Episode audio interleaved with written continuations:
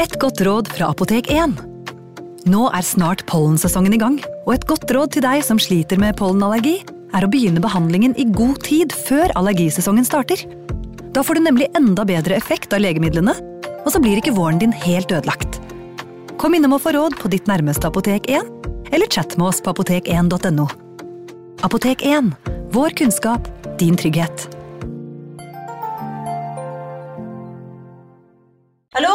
Jeg kommer fra Oslo politikammer. Ine Jansen er purk. Er du purk? The motherfucking bitch. Alt jeg vil, er å finne ut hva som skjedde med mannen min. Jon Carew. Er jeg sikta for noe? Iben Akeli. Det er du. Ole So, Lars Berrum og Big Daddy Karsten. Hvem sin side er du på, egentlig? Anette Hoff, Tone Danielsen, Kommer du fra Afrika? Jørnis Josef, Nesten kløfta. Trond Espen Seim, Det er synd å si det, men det var feil mann som døde. Purk. Premiere tirsdag på TV2 Play.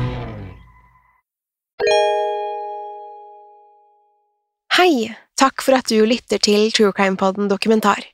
Skulle du ønske at du kunne høre en ny episode av denne podkasten hver eneste uke? Vel, da er det bare å laste ned podkastappen Untold med en gang.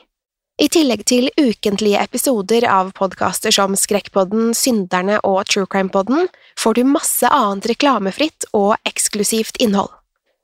Last ned Untold i AppStore eller Google Play, og start din 30 dagers prøveperiode i dag. you.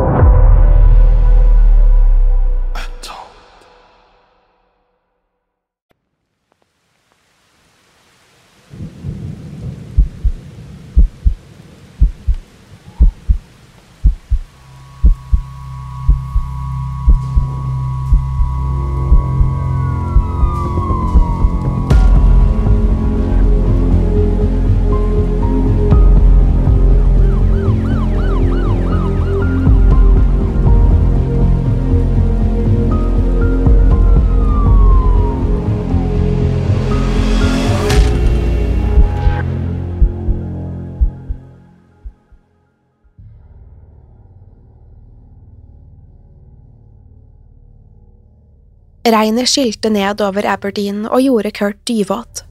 Fra der han satt, kunne han ikke se noe som helst gjennom mørket og styrtregnet. Der og da gjorde de ingenting. Kurt var en poetisk gutt, og mente mørket og regnet reflekterte hvordan han hadde det inni seg. Om noe var det en passende kveld å dø. Helt siden barndommen hadde Kurt gått rundt med tankene fulle av frustrasjon, sinne og en følelse av å ikke høre hjemme noe sted. Han hadde vært en lykkelig liten gutt, men etter at familien hans ble splittet opp, hadde alt endret seg. Kurt var ikke lenger like sprudlende og glad, og utagerte ofte på måter som gjorde ham vanskelig å ha med å gjøre. Gjennom ungdomsårene hadde han gått på rundgang mellom familie og venner fordi ingen orket å ha ham i huset i mer enn noen uker eller måneder av gangen. Kurt hadde funnet et visst utløp i musikk og kunst, men det var ikke nok til å døyve alle inntrykkene. Derfor hadde han vent seg til rusmidler som hasj og alkohol. Kurts hjemmesituasjon hadde gjort at han skammet seg over familien sin, noe som igjen førte til at han ble kraftig mobbet på skolen. Hvis det var én ting Kurt synes var verre enn noe annet, så var det følelsen av skam og ydmykelse. For hver dag som gikk, hadde han blitt skjøvet stadig nærmere kanten på stupet, og snart ble det for mye å håndtere. Det hele hadde toppet seg da Kurt innså at rusen ikke lenger hadde den samme effekten på ham. Uansett hvor mye han tok, ble aldri de mørke tankene hans borte. Allerede før Kurt var ute av tenårene, hadde han derfor tatt avgjørelsen. Han ville få en slutt på det hele. Før hans nært forestående død hadde Kurt bestemt seg for at han ville oppleve hvordan det var å være intim med en jente. Han besøkte en jente han visste om, som var tilbaketrukken og litt enkel til sinns, og spurte om hun ville ha sex med ham. Jenta hadde samtykket, men Kurt hadde ikke klart å gjennomføre det. Da ryktene begynte å gå om at han hadde forsøkt seg på jenta, eskalerte bare mobbingen på skolen. Nå kunne han ikke gå en eneste dag uten at han ble plaget og terrorisert av de andre guttene. Til slutt ble det for mye for unge Kurt. Det fikk ikke hjelpe at han ennå ikke hadde opplevd intimitet med en jente. Nå orket han ikke mer. En kveld hadde Kurt drukket og røyket seg mer beruset enn han noen gang hadde vært tidligere. Så hadde han vandret ned til jernbanesporet, hvor han hadde planer om å ta sitt eget liv. Han la seg ned over et av de doble sporene med to digre sementblokker på brystet og ventet. Plutselig hadde han fått øye på lysene fra det enorme godstoget, og de kom rett mot ham. Like før det ville treffe ham, lukket Kurt øynene og trakk pusten dypt. Det digre toget raste over skinnene, akkurat der Kurt lå. Han kunne kjenne det riste i bakken, og lyden av toget var øredøvende. Likevel kjente han ingen smerte. Da Kurt åpnet øynene, stirret han rett på togvognene som raste forbi i høy fart, på det motsatte sporet. Da toget var forsvunnet og alt var blitt mørkt igjen, reiste Kurt seg uten å si et ord. Han stirret etter toget, før han gikk med bestemte skritt bort fra jernbanesporet. Opplevelsen hadde vært skremmende, men den hadde også vært en øyeåpner. Fra det øyeblikket visste Kurt Cobain at han ville utrette mer før han døde. Han ville skape noe som var viktig for han selv, og brydde seg ikke om hva andre ville synes om kunsten og musikken hans. Det var alt som betydde noe. Etter å ha fått en gitar av onkelen sin Chuck på 14-årsdagen, klarte ikke Kurt å legge instrumentet fra seg. Det var bare ett problem. Kurt var venstrehendt, og venstrehendte gitarer var langt dyrere og vanskeligere å oppdrive enn høyrehendte. Kurts onkel visste allikevel råd. Chuck tok inspirasjon fra en av tidenes største gitarlegender, Jimmy Hendrix. Han hadde også vært venstrehendt og slet med akkurat det samme problemet. Det Hendrix hadde gjort, var å montere strengene på gitaren motsatt vei, for så å spille instrumentet opp ned. Chuck hjalp Kurt med å snu strengene, og dermed kunne han spille sånn som det passet ham. Han brukte timevis på å lære seg favorittlåtene sine, før han begynte å eksperimentere med sin egen musikk. Til å begynne med trengte han ingen andre i prosessen. Han kunne sitte for seg selv i sin egen lille boble og komponere det han ville. Kurt hadde allerede møtt andre musikere fra området, og alle var de blitt en inspirasjonskilde for ham. Blant dem var medlemmene i punkbandet The Melvins. Kurt likte råskapen og budskapet i punken, og ville bruke elementer derfra til å skape sin helt egen nisje. Likevel kunne han ikke sitte på gutterommet og leke seg alene for alltid. Han var nødt til å komme i gang med et band, og han visste nøyaktig hvem han skulle spørre. Kurt fikk med seg vennene Dale Crover, Buzz Osborne og Mike Dillard, og startet bandet med det flatterende navnet Fecal Matter. Kurt ble vokalist og gitarist i prosjektet, og snart hadde bandet begynt å skrive sine egne låter. Materialet var rått og eksperimentelt, men hadde fremdeles klare røtter i punken. Det Fikalmærer lagde, var noe helt unikt, som folk ikke hadde hørt maken til før. De spilte også inn et demoalbum som de kalte Illiteracy Will Prevail, som de delte ut til venner og andre musikere i området. Det var flere som likte det de hørte. Det var tydelig at Kurt Cobain hadde en idé om hvor han ville med musikken sin. Dette var ikke bare enda et masete punkband med politiske budskap i tekstene sine. Det var noe mer som ingen riktig klarte å sette fingeren på. En av dem som hørte demoalbumet og ble interessert, var Chris Novoselic. Kurt og Chris hadde kjent hverandre siden begynnelsen av videregående skole, og Kurt hadde lenge villet spille med Chris, som var en dyktig bassist. Chris hadde vært skeptisk lenge, men da han fikk høre hva Kurt og Fecal Matter hadde laget, innså han hvor god Kurt virkelig var. I 1987 ble Fecal Matter oppløst til fordel for Kurt og Chris' nye prosjekt. Bandet skulle gjennom en rekke navn, konsepter og ikke minst trommeslagere før de endelig landet på noe. I 1988 hadde navnet på det nye bandet kommet til Kurt som en åpenbaring. Kurt ville ikke ha et typisk rått og upolert punknavn på bandet sitt, slik som alle de andre hadde. Han ville at navnet skulle representere noe vakkert og svevende, som en kontrast til tyngden og budskapet i musikken. Dermed fikk bandet navnet som alle fremdeles kjenner den dag i dag – Nirvana. Nirvana gikk straks i gang med å skrive ny musikk som skulle reflektere visjonen deres. Samtidig fikk de inn en mer permanent trommeslager som het Chad Channing. Musikken de lagde var på ingen måte allmennpop, og ble først kun spilt på lokale radiostasjoner utenfor beste sendetid. Dette passet Kurt helt fint. Det verste han visste, var nemlig populærmusikk.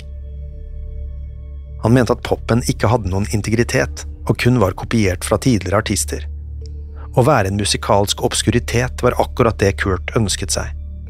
At et band ble hyllet av massene, kunne bare bety én ting i Kurts hode, nemlig at det hadde mistet ektheten og selvstendigheten. I 1989, like før Nirvana var klare for å slippe sitt debutalbum, ble de plutselig plukket opp av det nystartede plateselskapet Sub Pop. Nirvana skulle bli Sub Pops første store signering, og dermed var bandet i ferd med å vokse. Kort tid senere ble debutalbumet Bleach sluppet gjennom det nye plateselskapet. Albumet skulle inneholde singler som Blue og Negative Creep, som begge ble svært populære, spesielt blant studenter i Washington-området. Bleach var langt mørkere enn mye av den punken som allerede fantes der ute. Nirvana hadde tatt inspirasjon fra heavy metal-musikken på 70-tallet, men med dypere, mer relaterbare tekster. Det var noe unikt ved måten Nirvana skrev musikk på, og alt sammen hadde sitt opphav i Kurt Cobains briljante, men plagede sinn. Samtidig var det tydelig at Kurt ble lystigere av å lage musikk med vennene sine, noe som ble gjenspeilet i låtene. Plutselig var det flere og flere som fikk øynene opp for Nirvana og Kurts låtskriving. Nyhetene om debutalbumet spredte seg raskt, til tross for at Subpop ikke hadde lagt all verdens med jobb i promoteringen. Selv uten en nøye gjennomtenkt markedsstrategi var det blitt solgt nærmere 40 000 eksemplarer av Bleach over hele landet. Dermed var det duket for amerikaturné. Nirvana spilte for fulle saler på klubber og studentsamfunn fra New York i øst til Los Angeles i vest. Folk så ut til å elske det de så og hørte, og det var ikke kun musikken som trakk massene mot Nirvana. Hele opplevelsen var ulikt noe de hadde sett tidligere. Kurts sceneopptreden var helt unik. Han gjorde bemerkelsesverdig lite ut av seg i forhold til andre frontmenn i sjangeren. Det hendte han hoppet litt rundt eller rullet seg på scenegulvet under gitarsoloer, men det var kun en sjelden gang. For det meste sto han bøyd over gitaren med det lange, blonde håret sitt i ansiktet. Likevel utstrålte han en genuinitet og en intensitet som var vanskelig å ikke like. Den lille, spinkle gutten med den hese stemmen, løstsittende flanellskjorten og tredagersskjegget gjorde inntrykk på folk. Dette var en som mente hvert eneste ord han sang, og som la følelser i hver akkord han spilte på gitaren. Dette var det som resonnerte med mengdene. Mens verden gikk inn i et nytt år, vokste Nirvana seg stadig større. Det var på tide å slippe ny musikk, og våren 1990 begynte Nirvana å jobbe med sitt neste studioalbum. Det var bare ett problem bandet var nødt til å ta tak i før de gikk i gang med innspillingene. Den siste tiden hadde Kurt og Chris pratet om at Chad Channing ikke var god nok trommeslager for Nirvana. Det hadde vært tydelig helt siden innspillingen av debutalbumet Bleach. Channing slet med å holde rytmen og snublet ofte i de musikalske overgangene. Channing selv følte at han ikke ble inkludert i avgjørelser og låtskrivingsprosessen, noe som skapte splid innad i bandet. Han forsøkte å gjøre noe med det, men av en eller annen grunn fortsatte Kurt og Chris å holde ham utenfor de store avgjørelsene og den kreative prosessen. Til slutt sa Channing seg lei på hele prosjektet, og like før sommeren 1990 brøt han med resten av bandet. Dermed sto Nirvana uten trommeslager nok en gang. De var midt i prosessen med innspillingen av det nye albumet, men uten noen til å spille trommer kom de ikke noe lenger. Bandet fikk inn vikarer her og der til å bidra på konserter, men ingen faste trommeslagere var å oppdrive. Sommeren kom og gikk, uten noen gode kandidater til jobben. Det var ikke før i september det året at de endelig skulle få napp. Kurts gamle venn Buzz Osborne kontaktet kameraten en dag og fortalte om en trommeslager fra Washington DC som het Dave Grohl. Dave hadde nettopp kommet fra et annet bandprosjekt som ikke hadde ført noe sted. Nå var han på utkikk etter et nytt prosjekt hvor han virkelig kunne satse. Dave hadde selvsagt hørt om Nirvana og likte musikken deres. Likevel hadde han aldri sett dem spille i virkeligheten eller møtt noen av medlemmene. Dermed visste han ikke riktig hva han gikk til da bandet inviterte ham til øvingslokalet deres. Til å begynne med ble Dave litt skuffet. Der sto en høy, slank og rufsete bassist og en liten, spinkel og hanglete gitarist med skulderlangt blondt hår. Dave kunne ikke skjønne at dette var Nirvana, som han hadde hørt så mye om. Guttene foran ham minnet mer om trøblete tenåringer enn landskjente musikere. Likevel skulle han ikke være skuffet lenge. Kurt, Christ og Dave spilte gjennom et par låter fra debutalbumet, og det var en umiddelbar kobling mellom dem. Dave spilte hardt, tungt og med en intensitet Kurt aldri hadde sett maken til. Fra det øyeblikket var Dave Grohl fast trommeslager i Nirvana, og produksjonen av det nye albumet kunne fortsette. Den nye trioen var langt mer samkjørte. De jobbet intenst og hvileløst med albumet. Det var ingen tvil om at de hadde en intensjon om at dette skulle bli Nirvanas aller største suksess. Det harde arbeidet skulle også gi avkastning, til tross for at albumet kom mye senere enn forventet. I september 1991 ble Nirvanas nye storsatsing, Nevermind, sluppet. Bandet visste det ikke da, men albumet skulle snart eksplodere og bli et av de største rockeverkene verden noensinne hadde sett. Til å begynne med var ikke salgstallene like gode som Nirvanas nye plateselskap DGC Records hadde håpet på. Målet var å selge 250 000 eksemplarer den første perioden, men det virket ikke som albumet slo helt an. Om det var musikken eller det merkelige albumcoveret med bilde av en naken, svømmende baby som ikke fenget folk, var ikke godt å si. Det var likevel én singel fra albumet som skulle få mer oppmerksomhet enn noen andre låter, et spor som fremdeles er Nirvanas største verk den dag i dag, nemlig monsterhiten Smells Like Teen Spirit. Låten fikk enorme mengder oppmerksomhet, spesielt etter at musikkvideoen ble vist på MTV. I begynnelsen kunne verken bandet eller plateselskapet skjønne hvorfor akkurat den skjøt sånn fart. Riffet var enkelt, men fullstappet av kraft og følelse, og teksten var obskur og uforståelig. Radiostasjonene hadde til og med nektet å spille Smells Like Teen Spirit fordi radioverten ikke forsto hva Kurt sang. Likevel skulle låten bli enorm og hjelpe Nevermind til å nå toppen av hitlistene. Selv om teksten virket uforståelig og usammenhengende, uttrykte Kurt både sinne, frustrasjon og forvirring i fremførelsen. Dermed ble Smells Like Teen Spirit snart selve kjenningsmelodien for ungdomsopprøret på tidlig 90-tallet. Låten hadde gitt det nye albumet et springbrett, og plutselig var Nirvana og grunge-sjangeren blitt en del av populærmusikken. Det gjaldt ikke bare i USA heller, men i hele verden. I ettertid skulle det bli sagt at Nirvana aldri oppsøkte populærmusikken, men at populærmusikken kom til Nirvana. Bandet hadde ikke endret seg for å passe allmennhetens musikksmak. Det var folk flest som hadde fått øynene opp for Dirvanas mørke og dystre, men kraftfulle musikk. Kurt visste ikke riktig hva han syntes om at Nirvana hadde blitt en del av populærmusikken. Med sine røtter i punk- og antipopkulturen likte han ikke å bli assosiert med det som var hipt eller populært. Det gikk imot alle hans verdier. Kurt følte seg dratt mellom to verdener. På den ene siden forsøkte han å holde på integriteten sin. På den andre nøt han å se bandet vokse, og at flere lyttet til materialet deres.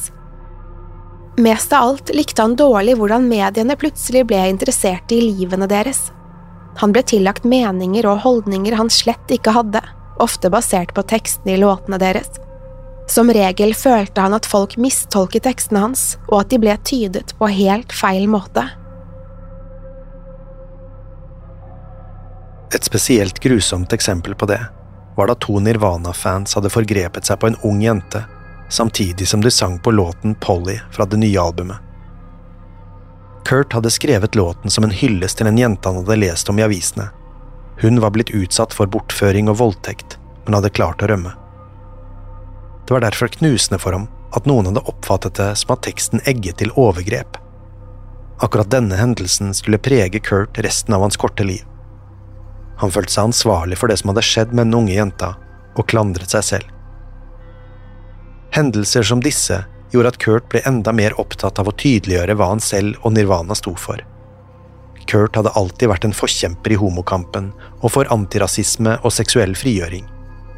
Om Nirvanas fans ikke var med på disse premissene, nektet han å anerkjenne dem som ekte tilhengere. Etter hvert som Nirvana nådde ut til et større publikum, ble det stadig vanskeligere for ham å skille mellom de han kalte dedikerte fans, og de som kun slang seg på trenden. Kurt gikk faktisk så langt som å ytre en avsky for de som påsto de var tilhengere, men som ikke hadde hans holdninger. Dette skapte reaksjoner. Da konservative amerikanere fikk med seg at Kurt blant annet støttet fri abort, vekket det oppsikt. Det gikk så langt at Kurt mottok drapstrusler fra medlemmer av antiabortbevegelsen. Noen få truet faktisk med å skyte ham på scenen ved første og beste anledning. Denne typen trusler tok Kurt innover seg, og han begynte å bli paranoid. Selv om han fortsatte å turnere med Nirvana landet rundt, var han alltid nervøs for at noe skulle skje.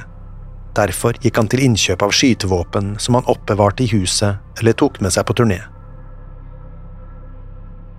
Likevel hadde Kurt andre ting å tenke på også. Like før Nevermind ble sluppet, hadde han nemlig møtt en kvinne. Hun var også et av bransjens største navn og het Courtney Love. Courtney var vokalist i bandet Hole. Hun var vakker og ambisiøs, og Kurt følte hun forsto ham på en måte ingen andre kunne. Det var også en annen ting paret hadde til felles, en forkjærlighet for narkotika. Med berømmelsen hadde Kurt nemlig måttet ty til tyngre stoffer enn hasj og alkohol for å døyve inntrykkene. Sammen utforsket Kurt og Courtney både kokain og heroin, noe som gjorde dem til et giftig par. Kurt var betatt av henne, og hun var alt for ham. Likevel var det ingen tvil om at Courtney hadde én prioritet som trumfet alle andre, kanskje til og med kjærligheten. Hun ville bli tidenes største kvinnelige rockestjerne, større enn selv Joan Jett eller The Runaways. Mange beskyldte Courtney for å kun være sammen med Kurt av berømmelsen, slik at hun kunne bruke ham som et springbrett. Det var ikke kun mannen i gaten som hvisket om dette heller. Mediene kastet seg også på teoriene om Courtneys utspekulerte hensikter, noe Kurt mente var direkte fornærmende. For ham var dette ekte kjærlighet. Courtney var den viktigste personen i livet hans, og alle som sa dem imot, forsøkte kun å skape blest. Det var likevel ikke til å komme unna at forholdet deres ikke var spesielt sunt for noen av dem. Det var forankret i narkotikamisbruk, noe som tæret voldsomt på dem begge og skapte problemer for de andre medlemmene i Nirvana. Kurt var i ferd med å bli en vaskeekte rusmisbruker, og for hver dag som gikk, ble han dyttet dypere og dypere ned i avhengigheten og depresjonen.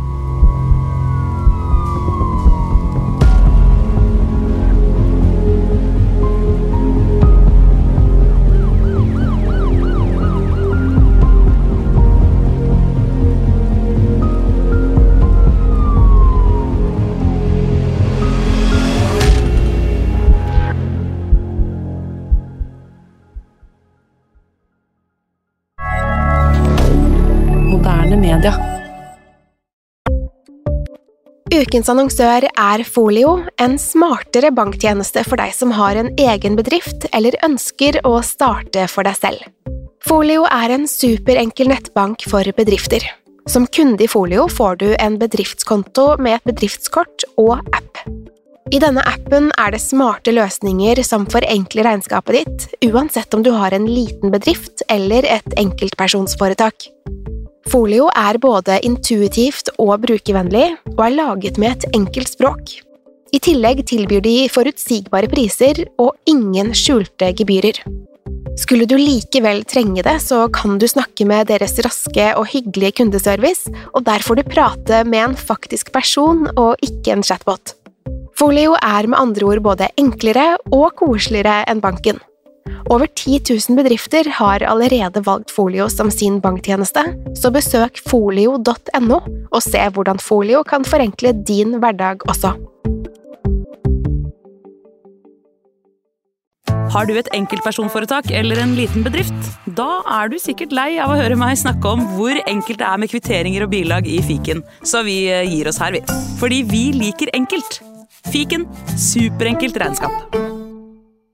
Kiwi er billigst i VGs matbørs og har vært billigst i fire av de fem siste VGs matbørser. Og nå presser vi prisene på frukt og grønnsaker. På 200 gram broccolini setter vi prisen til 24,90. På 400 gram Cevita blåbær setter vi prisen til 49,90.